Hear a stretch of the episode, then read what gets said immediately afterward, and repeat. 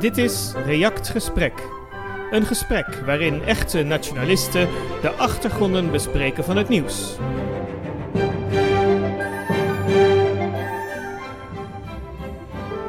Buiten is het 14 graden. Binnen zit Sjors Remmerswaal.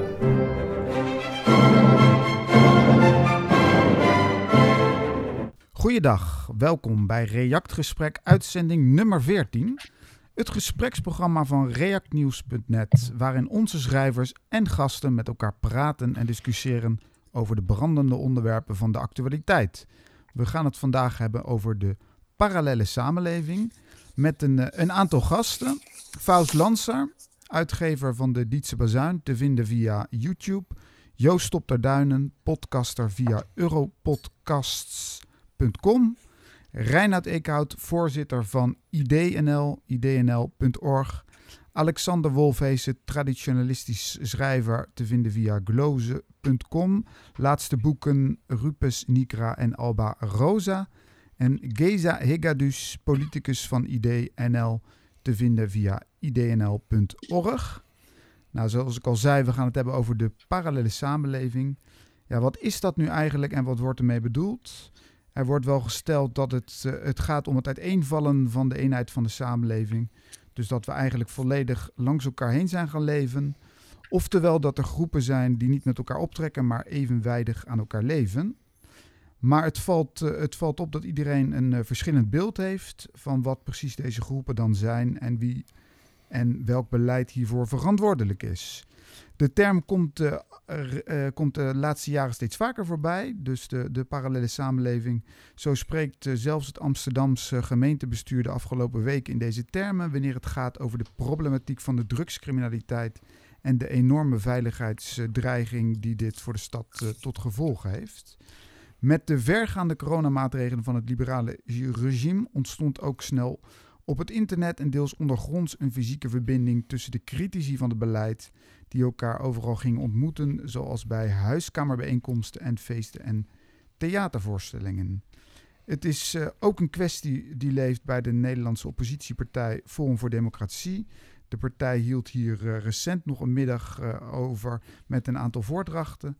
Volgens de partij, citaat, vrijheidslievende mensen krijgen het steeds moeilijker binnen het verstikkende systeem dat ons denken en handelen volledig wil controleren. En men denkt hier dus over, zelfs over het voorbereiden op de toekomstige parallele samenleving.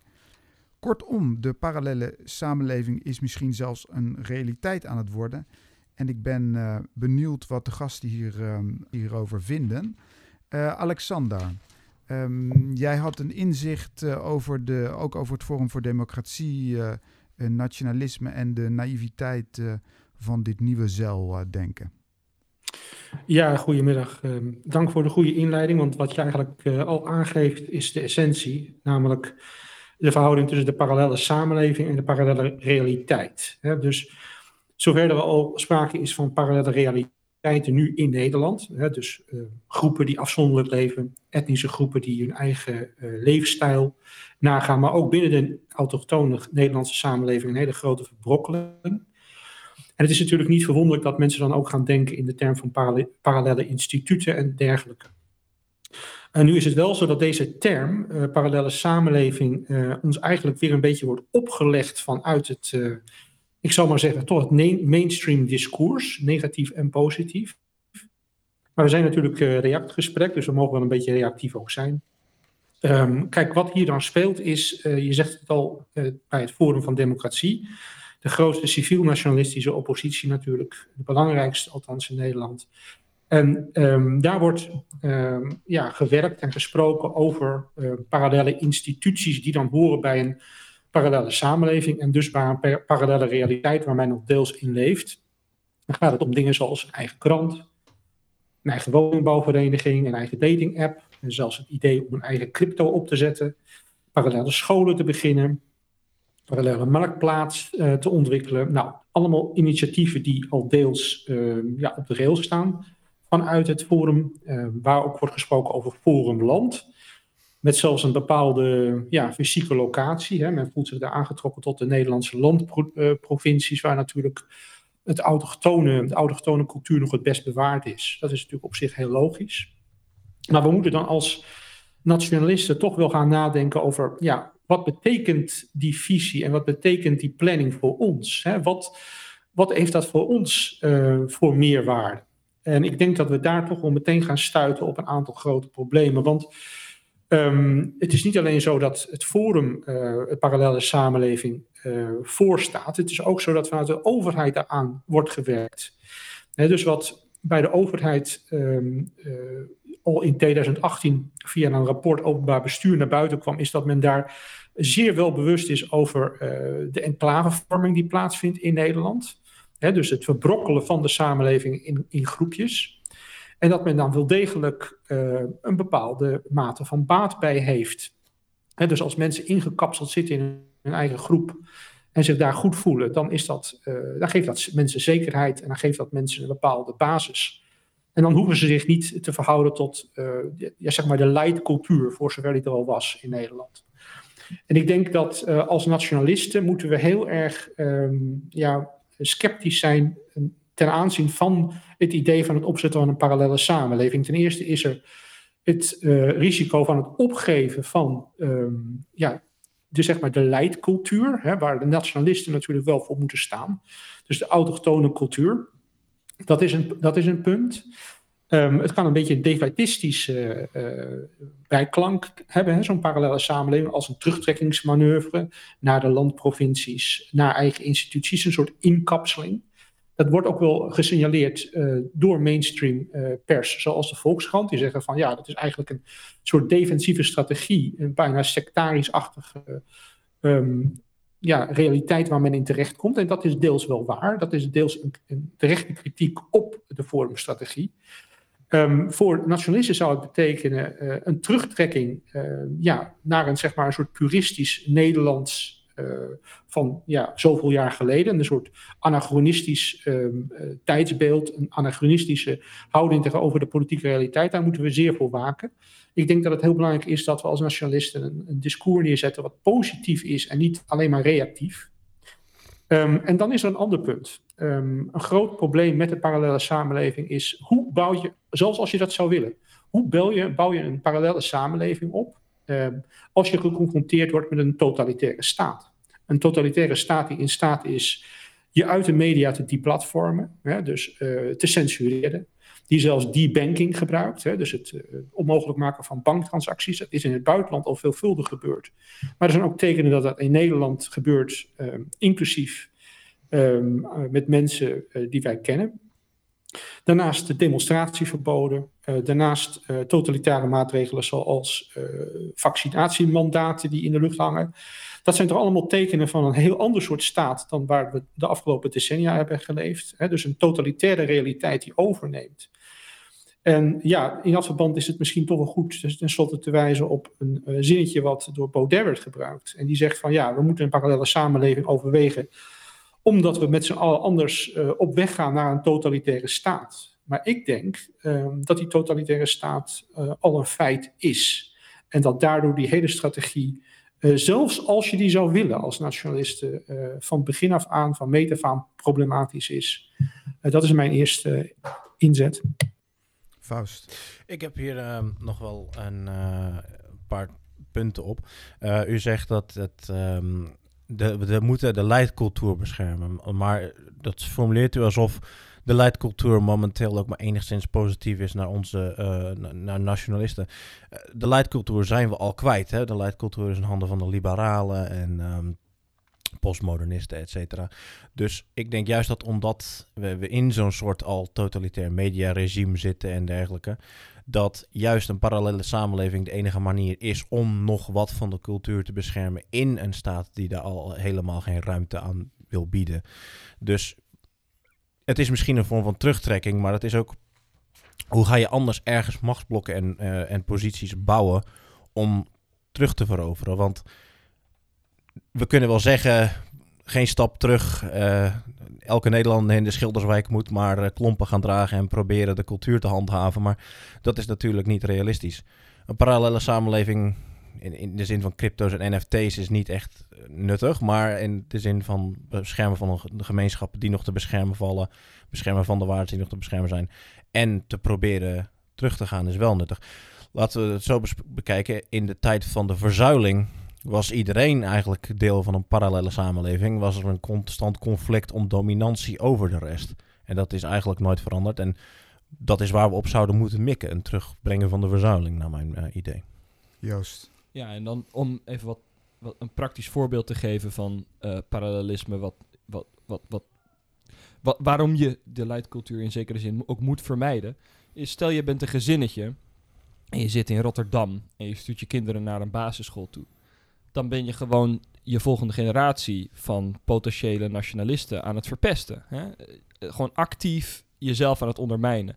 Terwijl als die gezinnetjes zich terugtrekken naar een gedeeld dorp, ergens in de buurt van Urk of weet ik veel wat, hè, dan, en, en je zit gewoon met uh, uh, 50 gezinnetjes die achter de schermen af en toe bij elkaar uh, op de koffie komen en het een beetje weten, en die basisschool begint rare dingen te doen, dan kun je gewoon met 50 boze vaders daaraan kloppen en hopelijk een beetje druk zetten. Nou, als je allemaal versnipperd over schooltjes in Rotterdam verdeeld zit, dan kun je dat echt niet doen. En het liefst wil je eigenlijk gewoon nog dat mensen die jij al vertrouwt uit je eigen kring, die basisschoolleraren Hoor zijn. Even, dat is als je de volledige bevolking van zo'n dorp bent. Hè, dat, dat is het optimale natuurlijk. Maar het punt wat ik, het algemenere punt wat ik probeer te maken is dat we zijn met niet met genoeg om onszelf uh, te verdedigen in die steden. En dat betekent dus dat je hele, in ieder geval je hele volgende generatie uh, op 50, want de, hè, de, de, beroemde studies die laten zien dat de peer group veel belangrijker is dan de ouders en noem het maar op. Daar moet je gewoon van weg als je een gezin start. Dus het idee dat uh, jonge kerels hè, hun advocatenopleiding of ingenieursopleiding of weet ik veel welke opleiding om een machtspositie te verzamelen in die stad moeten doen, mee eens. Het feit dat ze daar dan nog een tijdje blijven hangen terwijl ze kapitaal aan het verzamelen zijn, mee eens. Maar je gezin in die stad hebben, dat moet je gewoon niet hebben. Dat moet je gewoon niet hebben. Dat kan gewoon niet. En dat, dat, wat daarmee vernietig je actief de volgende generatie. En Nederland uh, is dit natuurlijk ook, heeft een historisch uh, en uh, wettelijk ruimte voor dit soort dingen. Het is zo dat er natuurlijk een globale, libertair, totalitaire staat aan het ontwikkelen is. Maar er zit, daar zit enige vertraging allemaal op. En Nederland heeft natuurlijk nog steeds alle wetten en instituten gehad om zo'n parallelseffing mogelijk te maken. We hebben natuurlijk het recht om, vrij, om je eigen school op te zetten. Hè? Dat kan in Nederland. Je hebt heel veel diversiteit aan het aanbod aan scholen. Dat wordt natuurlijk allemaal onder zo'n soort gelijkschaltung naar het liberalisme gebracht nu. Maar je hebt die mogelijkheid. Je hebt de mogelijkheid je eigen vakbond op te zetten, eigen media. Nederland heeft daar veel meer ruimte voor dan bijvoorbeeld dan Frankrijk. En om dat punt af te maken, de hoop is tot op zekere hoogte, naar mijn mening, dat omdat Nederland uh, redelijk achter lijkt te lopen, bijvoorbeeld in de coronareactie en noem het maar op, dat tegen de tijd dat ik ben het met je eens dat dat totalitaire een zorg is. Hè? En um, uh, uh, de, de, dus de, de, de, de, de strategie die ik een beetje voorsta is, is van oké, hoe verhouden we ons naar zo'n totalitaire staat? Nou, in feite, um, als we met deze hoeveelheden blijven, dan is de enige verhouding die je kunt hebben, is je verstoppen en hopen dat die je niet lastig valt. Want win, ervan een, een positie innemen en dat verdedigen, dat gaat niet. Dus je kunt hopen dat als je maar verschanst zit in een dorpje ergens en men spreekt niet te veel van je en je bent niet publiek bekend in de, uh, in de steden, dan kun je je misschien verstoppen voor zo lang totdat het totalitaire systeem onder zijn eigen corruptie en gewicht in elkaar dendert. En plus, Hè, laten we niet vergeten, de manier om te winnen altijd is meer baby's produceren dan je vijand. Hè? Uh, dus, uh, en de liberalen in de steden produceren geen baby's. En de Urkenaren en hopelijk wij nationalisten strakjes in de provincie wel. Hè? En dat is, dan, dat is dan één onderdeel. En dan de, het tweede onderdeel is gelukkig omdat Nederland een beetje achterloopt. Hè? Uh, en dat is ook trouwens een voordeel van parallelisme kunnen wij hopelijk bewijzen dat wij uh, nationalisten in dat platteland daar. Alweer, ik vind het, daarom wil ik het ook absoluut niet onder Forum doen, want ik denk dat dat een drama wordt. Dus dat wil je gewoon als onafhankelijke, gewone, normale kerels die naar het platteland toe gaan en toevallig bij elkaar in de buurt gaan wonen. Uh, um, wil je bewijzen van, kijk eens hoeveel beter wij hier leven. En uh, dat betekent, uh, en dat is natuurlijk, tot op zekere hoogte ben ik daar heel gebroken over. Maar dat betekent bij wijze van spreken dat als je vrouw uh, een blog runt of een Instagram, god vergeven het, een Instagram-account heeft waarin ze trots foto's laat zien van hoe geweldig ze daar wel niet loopt. Dat is, woont, dat is geweldige propaganda, hè? Mm. Terwijl die stedelingen daar helemaal naar de kloten gaan. dus dus, uh, uh, en in de tussentijd wordt, het, wordt zo'n totalitaire staat steeds minder effectief. En de hoop is dat Nederland ver genoeg achterloopt. Dat een hoop mensen, gewone functionerende middenklassers, naar Oostenrijk kijken of naar Duitsland kijken. Zoals mensen nu naar Oostenrijk en Duitsland kijken met, met die potentiële um, uh, corona-vaccinatieverplichting. en een hoop mensen zijn aan boord. Maar er is ook weer een percentage van middenklassers waarvoor dat een streepje te ver is en dat ze beginnen te twijfelen. En iedere stap dat zo'n totalitair regime neemt, uh, zet, gaat weer een groepje middenklasse mensen twijfelen, enzovoort, enzovoort, enzovoort. En dan zien ze op het platteland zo'n groep, zo'n bloeiend, beginnend uh, dingetje. En dat trekt dan mensen aan en noem het maar op. Dat is een soort van, wat ik me voorstel, dat parallelisme ons kan leven. En ik denk niet dat tenzij je tenminste 10% van de bevolking aan de hand hebt, dat je een serieuze deuk kunt slaan in de mainstream cultuur. Reinoud. Ja, um, de overheid heeft baat bij enclave, stond dat in, stond er in het rapport wat uh, Alexander uh, aangaf. Maar ja, ik denk dat dat in de eerste plaats komt doordat, uh, ja, als, als bijvoorbeeld de, de, de, de vreemdelingen in enclaves zitten, dan uh, veroorzaakt dat minder onrust onder de blanke bevolking, zou je kunnen zeggen. Ik denk dus dat enclaves van echt uh, blanke mensen, dat dat een heel ander verhaal is. Dan is het gelijk verboden, zeg maar. Dus ik denk dat, um, um, ja, dat de overheid baat bij enclaves alleen maar werkt in, in het geval van de vreemdelingen. Verder, ja, meer baby's produceren, ja, maar wij kunnen misschien meer baby's produceren maar ik dat niet. Maar ten opzichte van de uh, liberals, van, de, van de linksen. Maar ja, tegenover al die vreemdelingen, die hebben sowieso een veel hogere babyproductie. Dus ik denk niet dat je uh, puur daar iets van heil van kunt verwachten. En als laatste wil ik zeggen zo van ja, um, goed. Je moet inderdaad, denk ik, een parallele samenleving hebben. Alleen hoe centralistisch kun je dan zijn? Ik zou zeggen, nou, dan moet je zelfs eh, juist proberen om meer uh, een netwerk te creëren. Als je puur op, op centralisme gaat, dan heeft de overheid natuurlijk een perfect, perfecte aanleiding om zo'n kern in de knop kapot te maken. Hè? Dus um, ik denk niet dat je, dat je ervan uit kunt gaan dat we hele dorpen kunnen gaan stichten. Dat, dat lijkt me nogal risicovol. Misschien zou een voorbeeld wel uh, in Frankrijk, vanuit Frankrijk kunnen komen, waar de rechtlijnige katholieken ook een, um, eigenlijk door heel het land heen um, een eigen organisaties hebben, van scholen tot kerken uiteraard. Um, allerlei uh, ja, andersoortige verenigingen zoals de scouting. en ik merk ook op dat uh, wat Joost al zei over Instagram, dat uh, die ook daar binnen een soort van eigen wereld hebben. Waarin je dus uh, ja, jonge Fransen in de kerk ziet trouwen en um, omringd door blijde gezinnen. En dat, dat, dat kan je blijkbaar toch ook in zo'n omgeving, want de Franse staat is natuurlijk ook redelijk rigoureus, zelfs antichristelijk wordt wel, wordt wel door veel gezegd, dat, dat zij daar toch de ruimte hebben gecreëerd voor zichzelf. Um, om, um, om toch een, um, op een hele positieve manier uh, uh, hun, hun geloof te beleiden en toch een soort parallele samenleving te creëren. Uh, Faust. Ja, ik, ik wil alleen even om één opmerking maken en daarna zou ik graag de reactie van Wolfees hierop willen horen, want ik ben benieuwd wat zijn perspectief is op dit soort meer praktische tegenwerpingen die we net hebben gemaakt. Uh, maar het is zo dat een parallele samenleving is natuurlijk het makkelijkst te realiseren als hij niet van meet af aan direct in confrontatie met de overheid probeert te gaan. Exact. Let. Olvezen? Ja, ik uh, denk dat je wel um, iets goed zei over de leidcultuur. Uh, je zei van, nou, er moet wel een goede, een grote leidcultuur zijn, maar die is dus nu de liberale leidcultuur uh, juist volksvijandig. Ehm, ja, een echte leidcultuur is natuurlijk niet wat er nu is. Hè? Dat liberalisme wat, uh, wat we nu zien als, uh, ja, als zeg maar uh, de, de mainstream, althans in de MSN zo, geprojecteerd, en ook in het onderwijs zo geprojecteerd en door de overheid zo geprojecteerd. Maar de echte leidcultuur, de echte Nederlandse leidcultuur bestaat nog wel. Is aanwezig ehm, ja, in, in de landsgemeenten, in de nog kerkelijke uh, streken van Nederland. In onze literatuur, in onze kunst. Um, een heel klein beetje nog zijn er naweeën van te vinden in de instituties. Niet heel veel, dat geef ik toe. Um, en het probleem is um, in hoeverre kun je uh, wat er nu is, het uh, liberalisme, hè, dus zeg maar de liberale orde die nu overheersend is, als leidcultuur betitelen. Nou, dat kan volgens mij helemaal niet. Het is een nihilistische cultuur. Het staat linea recta tegenover elke soort authentieke cultuur.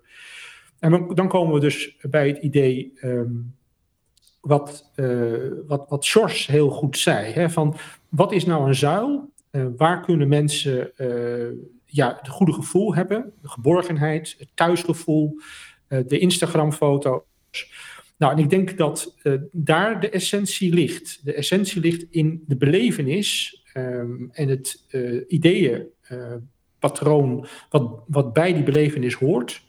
En als dat er niet is, um, dan is er ook geen kans op het scheppen van een, een eigen samenleving, een, een authentieke samenleving. En ik denk dat we hier dus staan met, met de term parallele samenleving, hebben we een heel groot probleem. Want wat er wordt gedefinieerd als parallele samenleving door met name het FVD, maar er zijn ook andere geluiden zoals Sint Lucassen met zijn nieuwe zuil.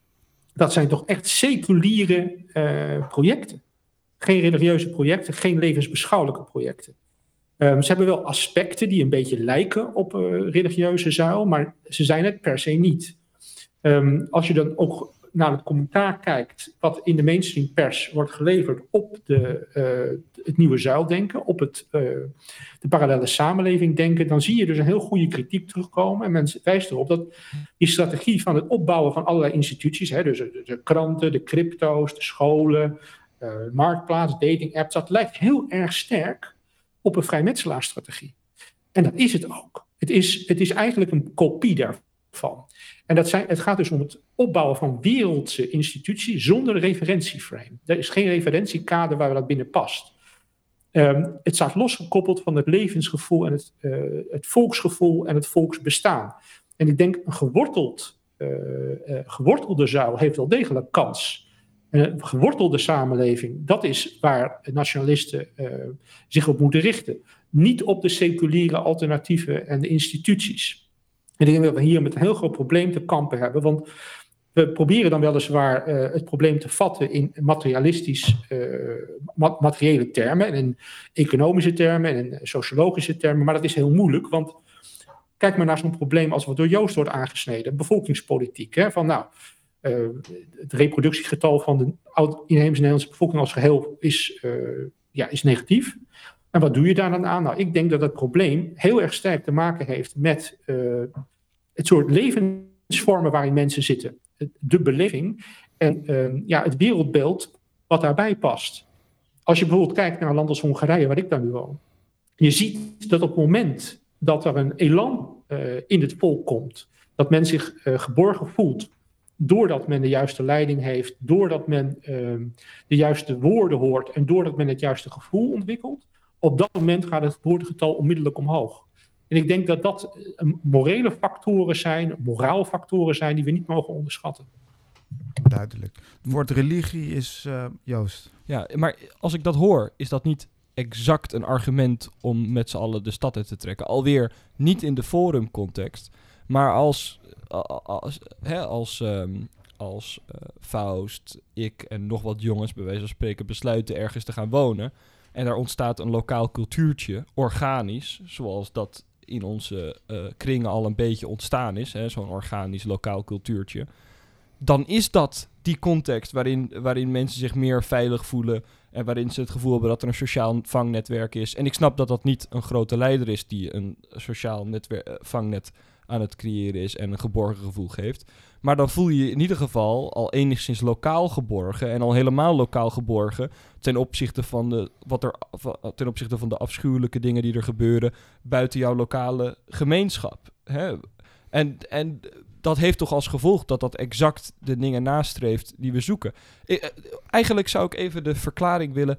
Bent u tegen het idee dat gewoon blanke gezinnen de stad verlaten en een beetje bij elkaar in de buurt gaan wonen uit pure toevalligheid?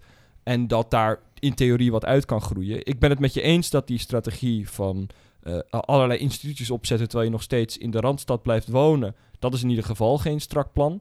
Maar ben je, bent u überhaupt aan boord met het idee van de steden verlaten? Of beschouwt u dat al als een verliezen? Alexander. Nou ja, ik kom dan uit een iets oudere generatie dan jij. En ik heb dus nog meegemaakt, en dan praat ik over echt mijn jeugdjaren, dat Amsterdam nog een blanke stad was. Ehm, dat is dus niet zo heel erg lang geleden, historisch gesproken. En als we de historische lijn uh, bekijken, dan is de omvolking heel snel gegaan. Het is echt uh, meteoorachtig uh, traject heeft dat afgelegd in de jaren zeventig. Is dat begonnen in Amsterdam met name. En dat heeft zich natuurlijk uh, doorgezet fenomenaal. En je kunt daardoor heel erg ontmoedigd raken. Je kunt zeggen, nou ja, die, die stad, dat is verloren terrein. Hè? Het is, het is merendeels bewoond door niet-inheemse Nederlanders. Um, de, de, de cultuur die daar heerst is niet meer de Nederlandse leidcultuur. Um, is verbrokkeld, is geliberaliseerd. Maar het is natuurlijk altijd zo geweest dat steden, dat geldt ook voor ons verleden toen het land nog uh, grotendeels inheems was, 99% inheems bevolkt. De steden zijn altijd um, ja, een, een, bron van ja, moderne ideeën, eh, moderne levensvormen, moderne experimenten. En dat hoeft niet per se een probleem te zijn. Ik denk dat uh, het gaat erom dat de mensen die daar wonen, ik heb het dan over inheemse Nederlanders, dat die weten dat die stad van hun is. Dat die zich als zodanig gedragen, dat ze niet wegvallen in vluchtmodus en dat zij hun um, cultuur opleggen, letterlijk opleggen, aan uh, ja, de, de, de, gasten die daar wonen. Um, dat kunnen buitenlandse kooplieden zijn, het kunnen buitenlandse werknemers zijn die tijdelijk gedetacheerd zijn. Dat de Nederlandse cultuur leid, leidinggevend is, in, ook in het stadsleven. Ik geef maar even een voorbeeld hier uit Hongarije. Budapest is, uh, heeft een hele grote immigratiegolf gehad in de jaren 90 en ook in de jaren 0. En daar zijn heel veel expats, en er zijn ook heel veel vluchtelingen geweest, en er zijn heel veel uh, Roma die uit het land zijn, landelijke trekkers zijn gekomen naar de stad. Maar toch is Budapest, als puntje een paaltje komt, heel Hongaars. En is de Hongaarse cultuur hier leidinggevend. En ik denk dat dat een, een uitdaging is voor de nationale beweging, dat we een soort moraal ontwikkelen waarmee we laten zien, wij zijn de baas in ons eigen land. Niet omdat wij uh, per se uh, bepaalde machtsmiddelen gebruiken en inzetten, maar eerder omdat wij uh, zijn wie wij zijn. En wij zijn de authentieke bevolking die hier hoort. En wij laten dat overduidelijk merken. En dat, dat komt dan terug in politiek. Ik denk dat je het moet omkeren. Het gaat om het soort het moraal en om het soort levensgevoel dat bij ons, aan onze kant, overheersend is. Duidelijk. Reinoud, jij wil uh, nog iets uh, zeggen over de rol van religie binnen de parallele samenleving. Ja, want uh, eigenlijk stuurde de vorige bijdrage daar, bijdragen daar al redelijk op aan. Kijk, wij blanke Nederlanders zijn eigenlijk stateloze mensen. Hè? Wij, zijn een, een na, wij zijn etnische groep, nog niet genoeg zelfbewust om onze natie te noemen, maar wij hebben geen staat meer. Daar komt het eigenlijk op neer. Onze staat is bezet. Nou, wat kun je dan doen om die mensen toch bij elkaar te brengen? En dan is religie, levensbeschouwing een heel essentieel punt, zeker in Nederland. Hè. We hadden natuurlijk niet voor niets, of hebben nog steeds, hoeveel, 600 kerkgenootschappen of iets dergelijks. Dus op een, een of andere manier uh, is de levensbeschouwing voor de Nederlander, ondanks zijn handelsgeest en ondanks al zijn liberalisme, toch nog uh, van uh, existentieel belang. Het is ook zo dat zo'n zo'n leesbeschouwing, zo'n religie, kan ook eh, mensen ook zelfbewuster maken. Hè? Daar hebben we het hier ook over gehad. Als je duidelijk een bepaald wereldbeeld voor ogen hebt, ook al ben je dan nu eh, verdrukt in de verdrukking, dan kun je nog steeds een zeker uh, zelfvertrouwen uitstralen. En um, Alexander noemde de, de vrijmetselaarsstrategie. Um, ja, in zekere zin is dat natuurlijk, uh, omdat de vrijmetselaars uh, natuurlijk uh, subversief waren. Maar het was, de vrijmetselaars waren natuurlijk niet echt een, een seculiere overtuiging. Hè? Die hadden ook bepaalde esoterische inzichten. Die gingen ook uit van een bepaalde levensovertuiging. Dus zeg maar qua organisatiemodel is, zijn de vrijmetselaars misschien wel een, een bepaald voorbeeld. Um, nu is er dus uh, de, het voornaamste contrast tussen uh, zelfbewuste blanke Nederlanders en de rest van de maatschappij zou moeten zijn dat wij dus niet het nihilisme navolgen, dat wij wel duidelijk een visie hebben. misschien is het zelfs zo dat, we dan, dat mensen dan aansluiting zoeken, inderdaad bij de traditionele katholieken. Zelfs als ze niet erg erin geloven. Ik moet bijvoorbeeld denken aan de Action Française. Uh, waarbij natuurlijk ook een heleboel mensen uh, zich aansloten, omdat het Frans was. En, en, bij Frans zijn hoorde natuurlijk die hele katholieke geschiedenis. Iets dergelijks zou in Nederland misschien ook mogelijk zijn, ook in de meer traditionele katholieke kringen. Maar uh, dus die levensovertuiging moet gewoon een, een, belangrijke rol spelen. Ik denk dat dat een heel duidelijk houvast is. Um, en ook omdat Nederlanders vanzelf, uit zichzelf niet zo heel erg nationalistisch zijn. Er moet iets extra's bij komen. Wij zijn geen mensen die kunnen zeggen van uh, my race is my religion of zo. Uh, dat soort zaken. Dus, um, en dan vraag je je af, wat kan dan een, een gemeenschappelijke, een bindende factor zijn? Nou, we kennen allemaal de heftige discussies tussen uh, heidenen en atheïsten en, en christenen en katholieken en zo. Um, maar ik, ik heb zitten denken, misschien zou een, een gezamenlijke uh, visie voort kunnen komen uit natuurbescherming. Dat is iets wat eigenlijk zowel de christenen kan aanspreken, omdat ja, ze moeten de, de rentmeesters zijn hè, van de aarde, en ook de heidenen natuurlijk, want die, die, die zien overal um, uh, natuurkrachten, zou je kunnen zeggen. Dus de, de, de, natuur heeft een bepaald geheim. En ook atheïsten het uh, natuurlijk moeten kunnen aanspreken. Gewoon uh, uh, als je één keer een filmpje hebt gezien over uh, wat er gebeurt in allemaal varkensfokkerijen en, en slachthuizen, dan kan natuurbescherming heel gemakkelijk een, een, een duidelijke factor worden in je levensvisie. Dus ik denk dat als we, als we zoeken naar een soort gemeenschappelijk uh, ideaalbeeld, maatschappijbeeld, dat we misschien via het idee van natuurbescherming een heleboel groepen bij elkaar kunnen brengen die toch wat verder kijken, die echt een levensbeschouwing ontwikkelen. En um, op die manier kunnen we zowel uh, het goede voorbeeld geven en een, en een uh, ja, eigenlijk gelukkiger mensen worden, want ik denk wel dat dat daarmee samenhangt. En ook een zeker verbindend gevoel ontwikkelen. Ondanks dat het bijvoorbeeld dan de ene uh, uh, heiden is en de andere een traditionele katholiek. Joost. Ja, um, er, uh, een, een, enkele tientallen jaren geleden, denk ik, is er door een groep linkse mensen al zo'n dergelijk project begonnen. dat is inmiddels wel weer gestopt. Maar dat heette De Kleine Aarde. En daar gingen ze inderdaad... ja, goed, je had tig van die communes destijds. Maar die waren eh, die hebben toen een tijdschrift uitgegeven en dergelijke. En dat was, uh, dat was redelijk goed onder, uh, was redelijk uh, hoogkwaliteit materiaal. En dan had je ook boeken die uit die kringen kwamen, zoals De Moestuinen van Twekkelo van Pieter Boksman. En zo kan ik nogal wat dingen afratelen. En als er luisteraars zijn die daar nog nooit hoogte van hebben genomen, dan is dat zeker het bekijken waard. En de esthetiek die dat had, is heel aantrekkelijk. dat vind ik althans heel aantrekkelijk. Dus dat is zeker weten iets wat ook een bepaald uh, verbindenisgevoel kan geven. Hè? Want uh, de economie die, die, die, waarin dat soort werken voor wordt gevraagd is veel lokaler, noem het maar op. En dat uh, geeft wat meer levensnutsgevoel ook. Hè? In plaats van dat je in een gigantische corporatie zit en noem het maar op. Dus ja, dat is zeker weten iets om naar te kijken. En vanuit het parallelisme-strategie trouwens, is het meer lokaliseren van, ehm, van waar eten en energie en, en, en kleding en weet ik veel wat vandaan komt, is natuurlijk ook een factor. Want überhaupt is globalisme aan het afbrokkelen als je naar internationale handel en dergelijke kijkt. Juist.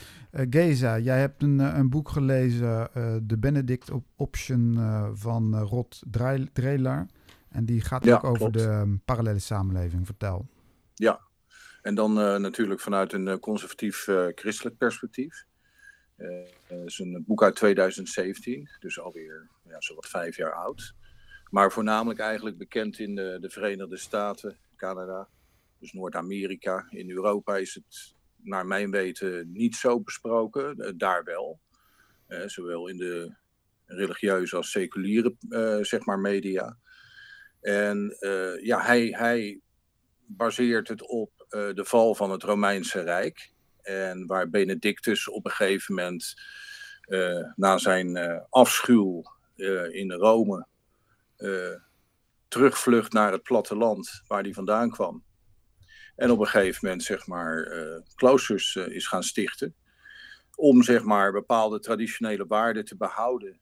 En ook klassieke kennis en in ieder geval, eh, eh, hij zegt ja, wij, wij eh, zitten in een soortgelijke periode in de, in de menselijke geschiedenis als, als Benedictus in die periode zat. En het modernisme, ja, dat heeft zo'n vernietigend werk gedaan dat wij geen andere optie meer hebben dan de Benedictus-optie. En dat betekent dus dat we ja, eh, naar parallele samenleving en naar een parallele samenleving toe moeten. Waar we onze tradities en eh, kennis en, en ook religie kunnen behouden. En als we dat niet doen, dan zullen we ten onder gaan. Eh, om, om het feit omdat de liberale maatschappij met zo'n mokerslag eigenlijk op onze maatschappij terecht is gekomen dat eh, de kerken totaal verzwakt zijn. En ook de instituties, eh, de christelijke instituties, eh, totaal verzwakt zijn. En nou ja, daar, gaat hij dan op verder wat hij denkt dat er dan moet gebeuren. En eh, hij roept niet op tot een totaal, totale terugtrekking uit de maatschappij. Maar eigenlijk meer ja, in, in een zekere zin meer wat, eh, waar het Forum voor Democratie, eh, zoals Baudet onder andere, eh, toe oproept. Dus zeg maar eigen instituties op te bouwen, eigen organisaties. En binnen de samenleving waar we zitten, maar dat we ons wel zeg maar totaal losmaken, of in ieder geval, hè, dus de conservatieve christelijke gemeenschap zich daarvan van losmaakt. En eh, dan heeft hij het niet eh, over denominaties, maar dan heeft hij het gewoon eigenlijk over eh, christenen in het algemeen. Nou, dus dit is een heel interessant boek om te lezen. Het is, het, het- nogmaals, het is wel vanuit een christelijk perspectief. Maar ik denk dat het voor nationalisten zeer zeker ook interessant is om te kijken van oké, eh, daar zijn bepaalde raakvlakken. Er is natuurlijk al het nodige besproken voor mij, ook gedeeltelijk over, over dit. En ik, ik, ja, ik, ik, ik raad het iedereen aan om eh, zeker kennis van te nemen. Er is een heleboel te vinden op eh, YouTube eh, over de ben, Benedict Option. En ehm, ja, voor de rest, wat ik, er- wat ik er nog aan toe wil voegen, is dat natuurlijk binnen Europees nieuw rechts dit ook besproken is. Hè? Dus onder andere door Alain de Benoit. Benoit. Eh, hè, dus eh, ja, het, het, het, het, het, speelt al veel langer. Eh, het, is ook, zeg maar, Alistair McIntyre, hè, dus een Schotse filosoof. Die, die heeft er ook over gesproken. Nou ja, daar is onder andere ook dit boek weer een reactie op. Dus ja, ik, ik denk dat steeds meer mensen beginnen te beseffen dat binnen in de huidige situatie dat een eh, parallele samenleving absoluut eh, eh, goed overdacht moet worden. Reinoud. Ja, ik wou er even op aansluiten, want ik ehm, ga dan eventjes kijken naar inderdaad uh, de katholieke kerk. Die heeft, die heeft eigenlijk twee uh, opties hè, als je kloosterling wilt zijn. Aan de ene kant heb je de abdijen. Hè, dat is, daar volgens, dus de regel, volgens de regel van Benedictus. En je hebt ook de zogenaamde ja, missieorden. Hè?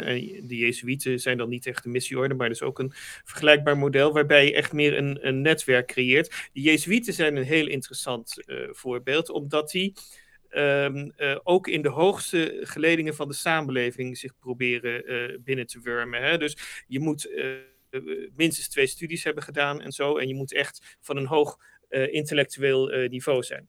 Maar waar het dus om gaat, is dat je twee modellen hebt. Aan de ene kant natuurlijk de abdijen, die echt centra waren van, uh, van geleerdheid en waarbij de klassieke cultuur uh, werd behouden tijdens de donkere tijden van de, van de middeleeuwen. En aan de andere kant heb je natuurlijk dus ja, de missieorden, de missionarissen. Hè? Wij, zijn eigenlijk, wij zijn eigenlijk ook een soort missionarissen. Uh, missionarissen. Wij proberen onze landgenoten uh, um, het licht te laten zien. Hè? Wij, uh, wij, wij zijn niet vergelijkbaar met hen die toen moesten werken in diep donker Afrika, zeg maar. Dus, um, maar het, het, het is natuurlijk wel uh, de vraag, hoe verhouden die twee dingen zich tot elkaar? Ik denk dat als je alleen maar abdijen hebt, ja, die zijn toch makkelijk te isoleren en, uh, en af te breken door uh, een tyrannieke overheid. Dus ehm, ja, misschien moet je er één of twee of drie hebben, maar voor de rest zou je toch meer moeten navolgen. Het, het, het, model van de, ja, van de missieorden. Ja, absoluut. Nou, wat, wat Dreyer natuurlijk zegt, hij zegt we zitten in dezelfde donkere periode, hè, die jij ook al terecht aangeeft. En waar Benedictus natuurlijk ook zijn, zijn uh, abdijen voor heeft opgericht. Om zeg maar hè, die klassieke uh, wijsheid uh, door die donkere periode heen te slepen. En, en hij zegt, ja, wij zitten in een soortgelijke situatie. En we moeten eigenlijk onze tijd afwachten dus door die donkere, periode heen. Uh, ik ben persoonlijk wel van mening dat het uh, beide moet, hè, wat jij zojuist benoemde. Dus, uh, maar dat is eigenlijk wat Dreyer ook zegt. Hè. Die, die, die zegt van ja, wij moeten, dat, ja, wij moeten door die donkere periode en bewaren wat, we, wat we kunnen bewaren. En ja, dan aan het andere eind weer een nieuwe maatschappij opbouwen. Hè? Want deze mensen gaan er ook vanuit dat deze maatschappij aan het einde van de levenscyclus is. Alexander. Ja, ik denk dat uh, Geza uh, terecht en ook uh, Reinhard heel terecht wijzen op de rol van religie. Ik had het er zelf ook al een beetje over.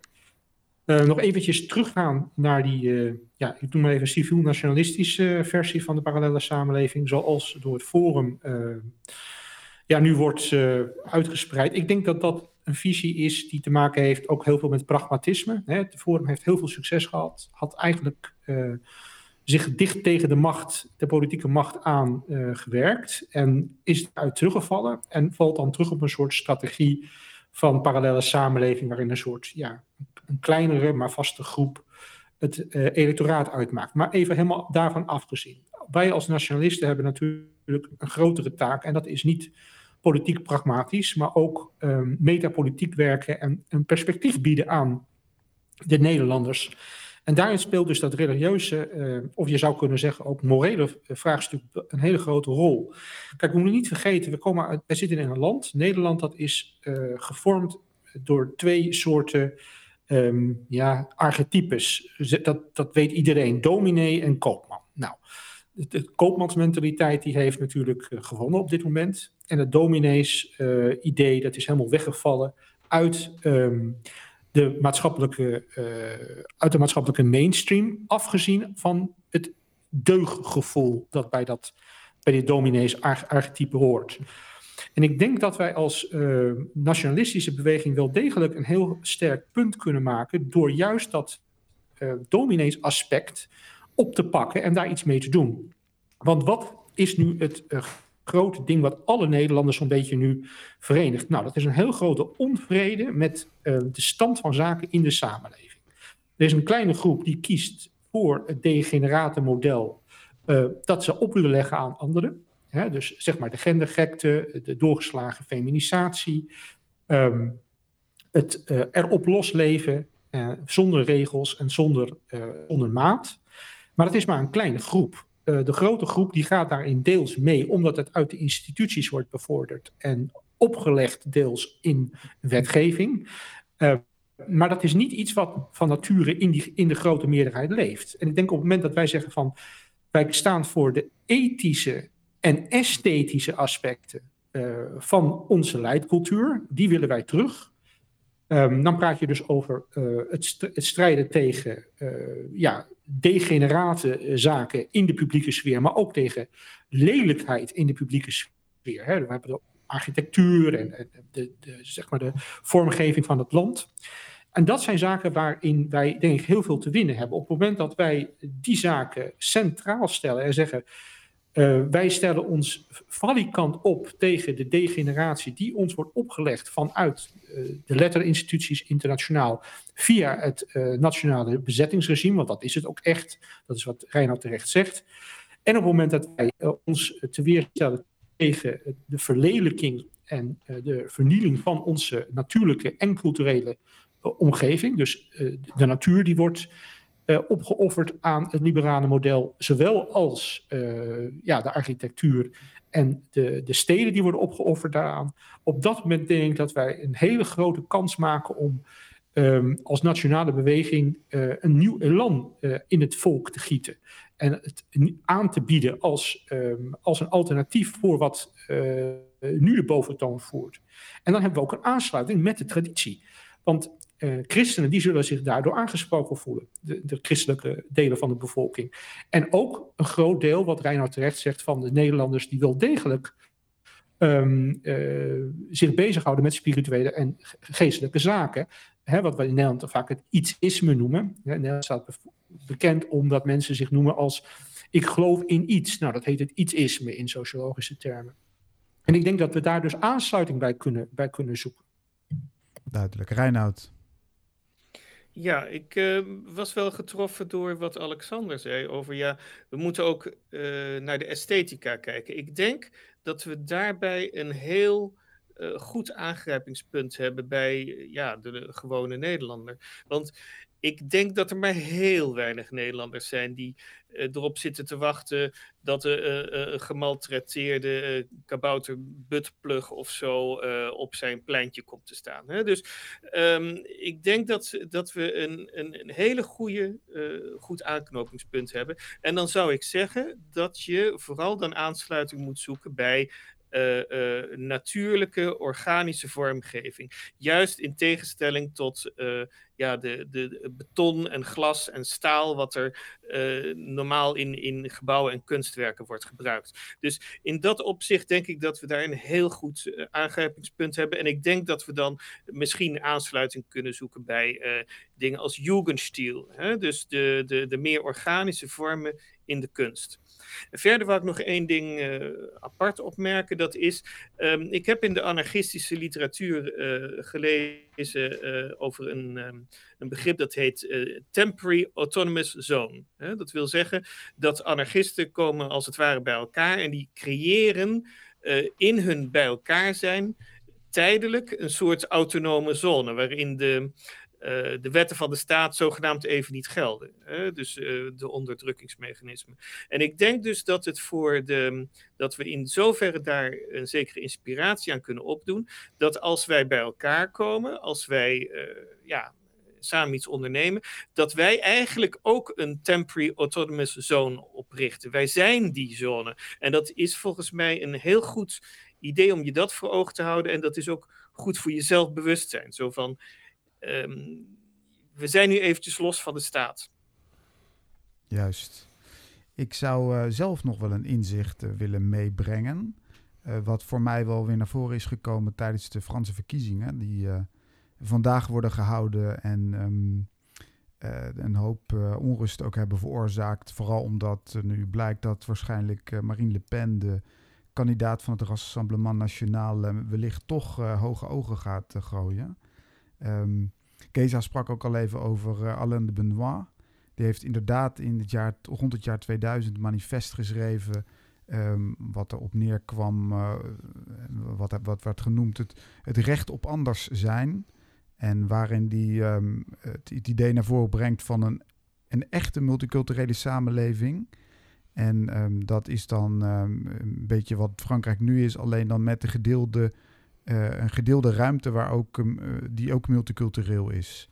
Dus zeg maar echt nog meer in groepjes en denken, met name dan of eigenlijk vooral dan Fransen en alle andere migrantengroepen die daar nu zitten.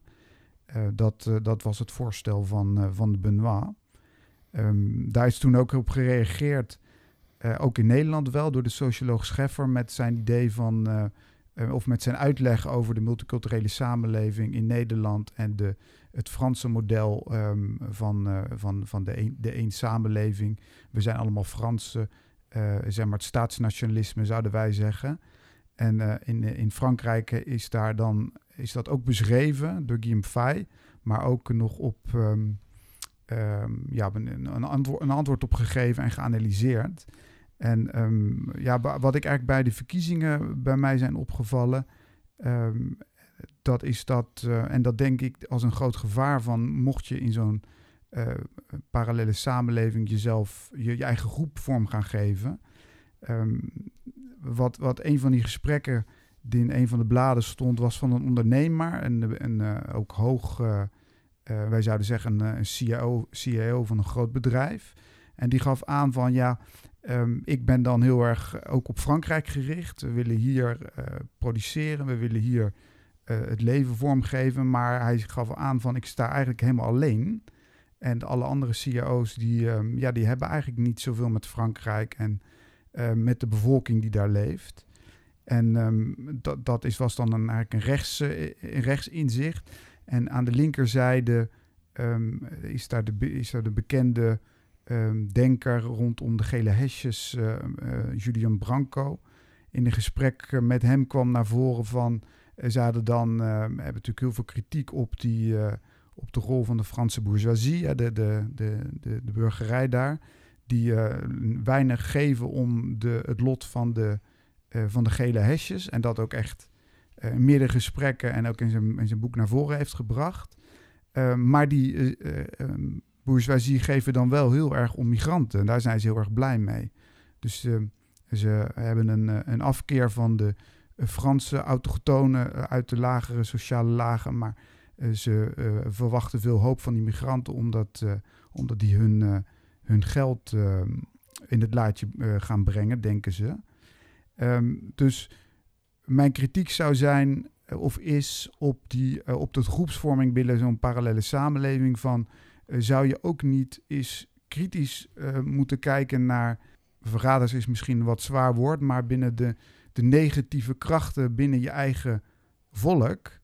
En um, um, waar Alexander ook al over sprak, over, en, en anderen ook over, dat er een, um, een ideologie moet zijn of een, een religie uh, waarmee je zo'n groep kan vormgeven, dat dat misschien kritische nood richting delen van de eigen bevolking die zich zeg maar niet zo op het, op het welzijn van, van het eigen volk zijn gericht, maar meer op een eigen welzijn, dat die, dat, dat meegenomen wordt in een, in een ideologisch verhaal. Joost, ja, nog een aantal praktische inzichten, zaken die je nog wil bijdragen. Ja, nou ja, goed. Dat, daar sta ik inmiddels bekend om, de economie en de praktijk. Uh, ja, dus kijk, een parallele samenleving is niet, iets dat, is niet alleen iets dat je bouwt om, om, om los te koppelen van een totalitair regime. Dat is ook iets dat je kunt bouwen omdat je kijkt naar economische trends op de lange termijn en um, supply chain fragiliteit en ga zo maar door. En dat je als um, groep wil kunnen loskoppelen van uh, uh, potentiële scenario's. van bij wijze van spreken een volgende pandemie die langskomt, die een keertje wel echt serieus is. Waarbij de overheid al helemaal flipt. En alle boten vanuit China stoppen met varen. En wat doe je dan? Hè? En zo kan ik nog een, hè, een als de dollar eenmaal geen wereldreservemunt meer is en dat hele financiële systeem gaat op zijn gat en alle, de, alle supply chains gaan alweer naar de kloten, maar dan om een andere reden. wat doe je dan? En zo kan ik nog een heleboel uh, scenario's die naarmate uh, A, de wereldorde steeds meer fragiel wordt en B, um, globalisme aan het afbrokkelen is, maar tegelijkertijd wel de economische situatie steeds meer op een haarpin aan het balanceren is, kan ik een hele heuvel van potentiële scenario's afratelen waarin als jij afhankelijk bent voor je essentiële functies van een groot netwerk dat ver voorbij je lokale gemeenschap reikt, dan ehm, neem je een groot risico. Is dat niet meer lokalisme dan parallelisme? Nou, het is lokalisme, maar tot op zekere hoogte is parallelisme, zoals wij hem zullen opstarten aan het begin, per definitie lokalisme. Um, uh, en ik denk dat dat een heel belangrijk onderdeel moet zijn van onze strategie. Want iets wat ik geloof ik ook op deze podcastserie wel eens vaker heb gezegd de, niet de enige manier om te winnen is om een soort van culturele omslag te veroorzaken, uh, de overheid uh, uh, democratisch te verwisselen en beleid te veranderen. Een andere manier waarop je kan winnen, is dat het gewoon een ontzettende bende wordt hier. Niks werkt meer. Het is een langzaam afbrokkelen, à la Rome bij wijze van spreken. Hè? En je uh, zorgt inderdaad dat je gewoon nog semi-functionele dorpjes uh, uh, bent op het, op het platteland. En een hoop verbonden dorpjes bent als je dat even kunt regelen. En dat je hopelijk zo snel mogelijk, misschien wat sneller dan duizend nog wat jaar, een renaissance op, op, gang kan zetten. En weer op stoom kan komen als maatschappij. Nou spreek ik wel heel erg hypothetisch. Maar goed, daar zijn we lekker mee bezig. We hebben onszelf net al vergeleken met Jezuïeten. Dus, um, dus... Tempeliers dan liever. Ja, dat vind, dat, die esthetiek bevalt me meer. Ja, e-, eens.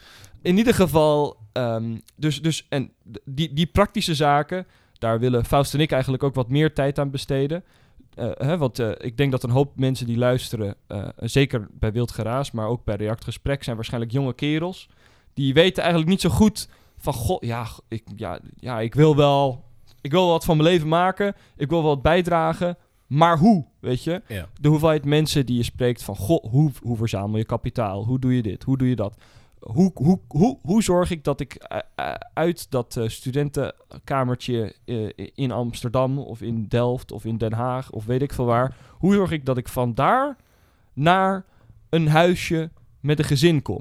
Hè? Nou, ik ben ook nog onderweg, dus tot op zekere hoogte mag ik maar beperkt uh, zeggen dat ik het allemaal wel weet. Maar uh, het punt is dat als we wat willen opzetten, dat, dat een reden voor parallelisme in ieder geval is meer dan alleen maar loskoppelen van de cultuur en hopelijk een nieuwe cultuur starten. Het is ook jezelf indekken voor alle, alle benden die onze huidige cultuur per definitie gaat veroorzaken omdat die niet effectief is. En goed, daar willen wij dus in, in een uh, serie die we nog een naam moeten gaan geven en weet ik wat. Maar daar willen we wat meer tijd aan besteden. Dus ja. uh, beschouw dit een als een aankondiging. Alexander. Ja, ik denk dat uh, dit wel een goed punt is. Hè? De praktijk. Van nou, oké, okay, je hebt dan een idee als nationalistische beweging, maar hoe zet je dat om in de praktijk? Um, en ik denk dat daar wel een brug te slaan is naar het idee van wat geopperd werd in het boek besproken door, door Geza zo net. En dat is dus ja, die, die Benedictus optie. Met een variant daarop zou je kunnen argumenteren dat uh, je historisch al verschillende keren hebt gezien dat een samenleving zichzelf kan corrigeren. Hè? Dus dat op het moment dat er een nieuwe moreel, uh, moraal uh, bovenaan komt te staan, dat mensen nieuwe ideeën hebben en die laten prevaleren boven um, de oude ideeën, dat ze dan ook praktische keuzes gaan maken die anders zijn en die het oude systeem omverwerpen.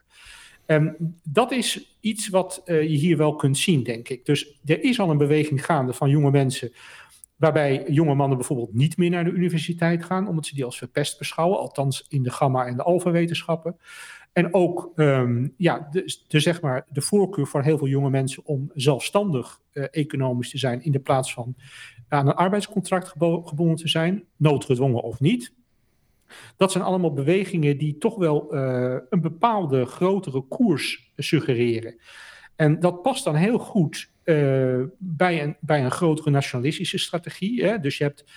Uh, Mitford die heeft wel eens een keer gesproken over de Great White Strike, hè, waar hij dan voor was. Hij zegt van dat gaat er gebeuren als alle inheemse westerse volkeren, zeg maar, gewoon hypothetisch, um, gewoon een permanente staking doen. Nou, daar kunnen elementen van waardevol zijn. Bijvoorbeeld ook het idee van een, van een schoolstaking, van het gewoon niet meer willen meedoen binnen de instituties, ontslag nemen, andere banen nemen, ehm, praktisch gewoon dingen boycotten die, je niet wilt hebben. Dus bijvoorbeeld buitenlandse producten niet kopen of uh, niet naar bepaalde uh, culturele uh, zaken toegaan, geen bezoek afleggen. Dat kun je als beweging zou je dat uh, kunnen uh, propageren. En dat zijn allemaal hele praktische punten, want hoe meer dat doorzet en hoe groter die beweging komt, hoe meer je ook het tapijt wegtrekt onder de voeten van het zittende regime. Dus gewoon het niet meewerken aan uh, maatschappij, dat wil nog niet zeggen dat je parallel, parallel werkt, maar gewoon dat je je ondersteuning terugtrekt aan het zittende machtsapparaat. En ik denk dat daar een heleboel verschillende strategieën op kunnen van worden toegepast. En dat je dus ook historisch kunt zien dat dat ook echt kan werken. dus dat, dat dat historisch gewerkt heeft. Opzettelijk of niet. Reinoud. Ik zou zeggen van uh, een mooi voorbeeld van wat Alexander uh, net aanstipte is bijvoorbeeld uh, stel dat ze nu de dienstplicht zouden invoeren, hè, omdat ze, ik weet niet, stel dat het misgaat in de Oekraïne. Nou, geen haar op mijn hoofd die er denkt om voor, dat, Rus, voor, dat, voor, dat Amerika voor die Amerikaanse en, en Haagse en Parijse machthebbers, om daar mijn leven voor te wagen. Absoluut niet. Dat zou, dat is ja, en dat kan natuurlijk op veel terreinen. Helaas ja, zul je wel belasting moeten betalen, maar je kunt wel proberen om dat zo min mogelijk te laten zijn, bijvoorbeeld. En um, ja, er zijn allerlei in dat opzicht uh, uh, stakingsstrategieën mogelijk. Joost. Ja, dat wilde ik tot op zekere hoogte aan Wolfhezen vragen. Want je wil een nieuwe moraal neerzetten, je wil een nieuwe levensovertuiging tonen. De enige manier die ik kan bedenken om dat te doen, is door hem daadwerkelijk te leven. En dan kom ik alweer terug bij uh, het vertrekken. Want eigenlijk heb ik daar ook nog niet per se een heel duidelijk antwoord op gekregen. Tot op zekere hoogte zie ik dus als enige optie om zo'n nieuwe moreel neer te zetten. Iets dat ook esthetisch er goed uitziet, zodat het mensen aantrekt. Dat doe je in zekere zin door te vertrekken. Want hier kun je niet opvallen, hè, in, in, in de steden of wat dan ook. Dan, dan, dan verdwijn je een beetje in het niets. Tenzij je al echt met een serieuze groep bent. Maar daar als je daar al met enkele mensen bent en je hebt een internetpresentie, ondanks dat ik een hekel heb aan het idee dat je, uh, uh, dat, dat, dat je jezelf op sociale media gaat neerzetten, want dat heeft echt ontzettend veel nadelen. Maar als je wil propaganderen met je internetpresentie, en dan hoeft het niet iets expliciets te zijn wat je ook van die internetlocaties verwijderd zult hebben, maar simpelweg door te signaleren van kijk eens hoeveel beter het leven is als je je loskoppelt van het globo-homo stadswezen en uh, vertrekt en uh, weer bij je lokale kerkje gaat en je weer in je achtertuin een paar kippen hebt en je hebt, in, en je hebt een paar perkjes spinazie hè, in je achtertuin. En zo kan ik doorgaan. Gewoon wat praktische dingetjes. Hè.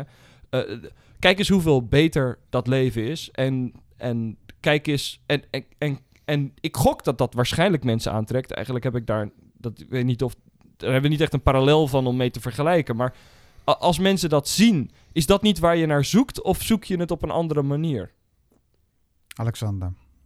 Ja, je hebt gelijk. Die, uh, die, die, zeg maar, die hogere morele positie, um, de juiste ethische positie, de juiste esthetische waardering, dat zijn dingen die moeten worden geleefd. Daar heb je helemaal gelijk in.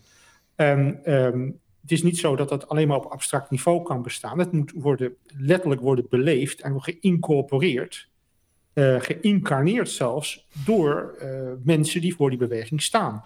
Dat kan op een heel klein niveau zijn, dat kan plaatselijk zijn, het kan op internationaal niveau zijn, dat maakt helemaal niet uit. Maar iedereen kan doen uh, in zijn, naar zijn eigen maatstaven, naar zijn eigen kunnen, kan bijdragen daaraan. En ik denk uh, er, zal, altijd leiders nodig zijn. Maar iedereen op zijn eigen manier die binnen die nationale beweging actief is, die zal um, uh, de consequenties moeten dragen van uh, het standpunt wat hij uitdraagt. Anders is hij niet geloofwaardig. Kijk, de Nederlandse politiek heeft ook ontzettend geleden aan. Die heeft een geloofwaardigheidsprobleem. He, sinds Drees zijn er geen, ja, misschien de jongen, zijn er geen mensen die door de Nederlanders worden vertrouwd gewoon door de manier waarop ze leven. Door de manier waarop ze uh, acteren. De manier waarop ze zich gedragen, kleden, alles. En dat zal dus van, van helemaal van de grond af aan, zal het leven van de mensen die voor die beweging staan, en zeker voor de leiders, die zal helemaal moeten worden omgevormd. En ik denk dat je daar wil, uh, om maar een voorbeeld te geven uit een, uit, uit een exotische streek. Hè, dus zo iemand als Gandhi, die dus de Britten letterlijk uit India heeft gekregen, die stond, uh, die was geloofwaardig omdat hij leefde naar wat hij zei. Daar mag je alles van vinden wat je denkt. Maar hij, hij, hij stond daarvoor en hij liet dat zien. en hij, hij betaalde daar ook voor. Dus hij ging de gevangenis in en hij ontdeed zich van alle attributen van uh, datgene waar hij, van, wat hij verwierp. dus zeg maar van de stropdas tot en met de auto dat, is heel ascetisch. En dat past dan ook heel goed bij wat Geza net aangaf, hè, die Benedictus-optie. Uh, in, in Europa, en dat geldt ook voor Nederlanders toch ook wel heel sterk, is een ascetische uh, houding. Dus het jezelf ontzeggen van luxes en het ondergaan, vrijwillig ondergaan van ontberingen, uh, een heel hoog gewaardeerd, een heel hoog gewaardeerd ding. En dat moeten we niet vergeten. In Nederland is dat zeker niet verloren. Mensen zullen dat voorbeeld herkennen wanneer ze het zien het, mensen moeten, die in onze beweging staan, zullen moeten leven naar wat ze zeggen en omgekeerd. Joost. Ja, dus dan zijn we het eigenlijk meer eens dan ik eerst dacht. De, eh, bij wijze van spreken een, uh, een, een beweging waarbij uh, op de lange termijn je weer de steden cultureel probeert te heroveren, maar je in het begin start door uh, met, met groepen naar het platteland te vertrekken en daar een soort van milieu esthetisch, de kleine aarde esthetisch, lokaal esthetisch-achtig uitziend, meer minimale, meer laag, nou ja, anarcho uh, of um, archeofuturistisch gestyled iets opstarten. Uh, uh, dat zou dat, dat, dat zou voor u een goede eerste stap zijn. En dan daarna ga je dat proberen uit te bouwen naar, naar een meer politiek blok. Zie ik het dan correct? Nee, ik zou er iets wel. Um, in mijn beleving klinkt dit toch veel te zweverig met esthetiek en mooie woorden en voor, voorbeeldfunctie zijn. Dat is zeker belangrijk om, denk ik, iets aan te kleden. Maar um, ik denk dat er ook heel concreet gewoon voor mensen heel veel dingen nodig zijn. En um, zoals natuurlijk werk en onderdak en, en eten. En je kan mensen, denk ik, met alleen wat um, etiketten moeilijk meekrijgen. Ik denk dat ook heel veel werk gedaan moet worden in het politiseren van mensen. Uh, en ze een ander, ander wereldbeeld uh, meegeven. Dat ze dat ook als handvat hebben in het leven. En op die manier um, ja, ze ook voor, voor wat offers mee kan krijgen. Dat denk ik dat dat, dat, dat een beetje over het hoofd wordt gezien nu. Ja, wat, dat moet ik toegeven wat je ook doet, als je, als je voor een stuk buiten die mainstream economie treedt, hè, wat je tot op zekere hoogte wel zal moeten doen als je parallele samenleving bent, dat betekent dat per definitie dat in ieder geval de hogere middenklasse en al helemaal de bovenklasse, die daar potentieel onderdeel van zou kunnen zijn, een hoop inkomsten misloopt. Hè, want je kunt niet voor flow traders werken. En nou ja, een soort van kan het misschien, maar het is een beetje um, beetje hypocriet en lastig te bewerkstelligen. Dus daar zouden we inderdaad serieus over moeten nadenken. Namelijk, hoe komt er geld naar binnen? Hè? En, uh, en, en wat heb je aan mensen te bieden als ze er eenmaal komen, uh, als ze eenmaal de mainstream vertrekken en naar jouw parallele systeem toe verhuizen? Behalve misschien een gezondere cultuur. Hè? Kun, je, kun je intern bedrijven hebben waar mensen uh, terecht kunnen voor werk? en trouwens, hoe exporteer je wat die bedrijven produceren naar buiten jouw parallele groep? Want uh, wie weet wil de mainstream wel helemaal niks van jou hebben. In dezelfde zin als dat uh, op het moment uh, het Westen niet zoveel van Rusland wil hebben. Hè, als, al, daar, daar is inderdaad wel een soort van open vraag die waarschijnlijk een organische oplossing krijgt. Want naarmate verstandige, verantwoordelijke kerels naar een bepaalde plaats toe verhuizen, dan komt er vanzelf wel economische activiteit. Dat is tot op zekere hoogte waar, maar het zal inderdaad nooit, eh, ongetwijfeld als ik, als ik vertrek versus wanneer ik uh, in de stad zou blijven en me helemaal zou onderdompelen in, in het uh, global homo systeem, dan zou ik in het, binnen het global homo systeem een stuk meer geld kunnen binnenharken dan, dan daarbuiten. En dat, ja, voor de mensen waar, die daar hoofdzakelijk om geven, of voor, of voor wie dat zwaar weegt, die zijn tot op zekere hoogte niet te bereiken dan. Faust. Ik heb er niet zo heel veel meer toe te voegen, want de meeste punten die ik zou willen maken zijn al gemaakt. Maar ik wil één overweging nalaten aan de luisteraar. En dat is, um, wat zijn de alternatieven op een parallele samenleving bouwen? Democratie heeft tot nu toe niet erg veel successen teweeggebracht in de boel veranderen. De PVV-forum blijven hangen een beetje in dezelfde electorale successen.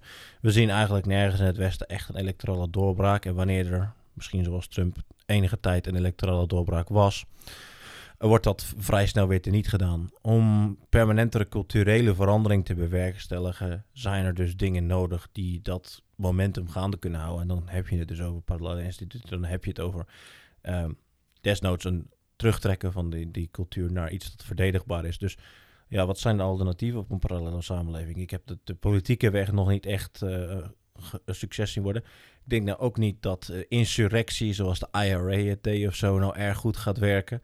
Dus ja, hoeveel opties heb je eigenlijk? Reinoud. Ja, ik wou nog uh, even reageren op uh, wat uh, Sjors. Ja, mensen, het, het, klinkt allemaal zo zweverig en mensen laten zich daar niet door motiveren. Kijk, um, laten we wel zijn, wat wij nu aan het doen zijn, dat is niet gemotiveerd door geld. Dat is niet gemotiveerd door hiermee kom ik vooruit in de maatschappij. Dus ik denk dat je niet te gauw moet zeggen zo van ach, dat is alleen maar zweverig en wat, wat betekent dat nou in, de praktijk? Uh, dat in de eerste plaats. In de tweede plaats denk ik dat je uh, je moet richten niet op de gemiddelde man, maar op de, uh, de voorhoede. Hè? En ik denk dat mensen die echt deel zijn van de voorhoede, die laten zich veel minder leiden door economische motieven. Ik denk je moet je richten op een hele sterke voorhoede en dan volgt de rest wel. Ik bedoel, men, de, de meeste mensen zijn net schapen. Dus um, ik zou me niet direct te druk maken over allerlei uh, economische motieven. Juist, dat is een, uh, een mooie afsluiter. We gaan ons niet al te veel druk maken over de economie. We richten ons op de voorhoede en we blijven nadenken over de parallele samenleving die we willen of die er in, wellicht in de toekomst gewoon gaat komen. Bedankt alle, alle deelnemers. En u heeft geluisterd eh, naar uh, Reactgesprek uitzending nummer 14 met als onderwerp de parallele samenleving.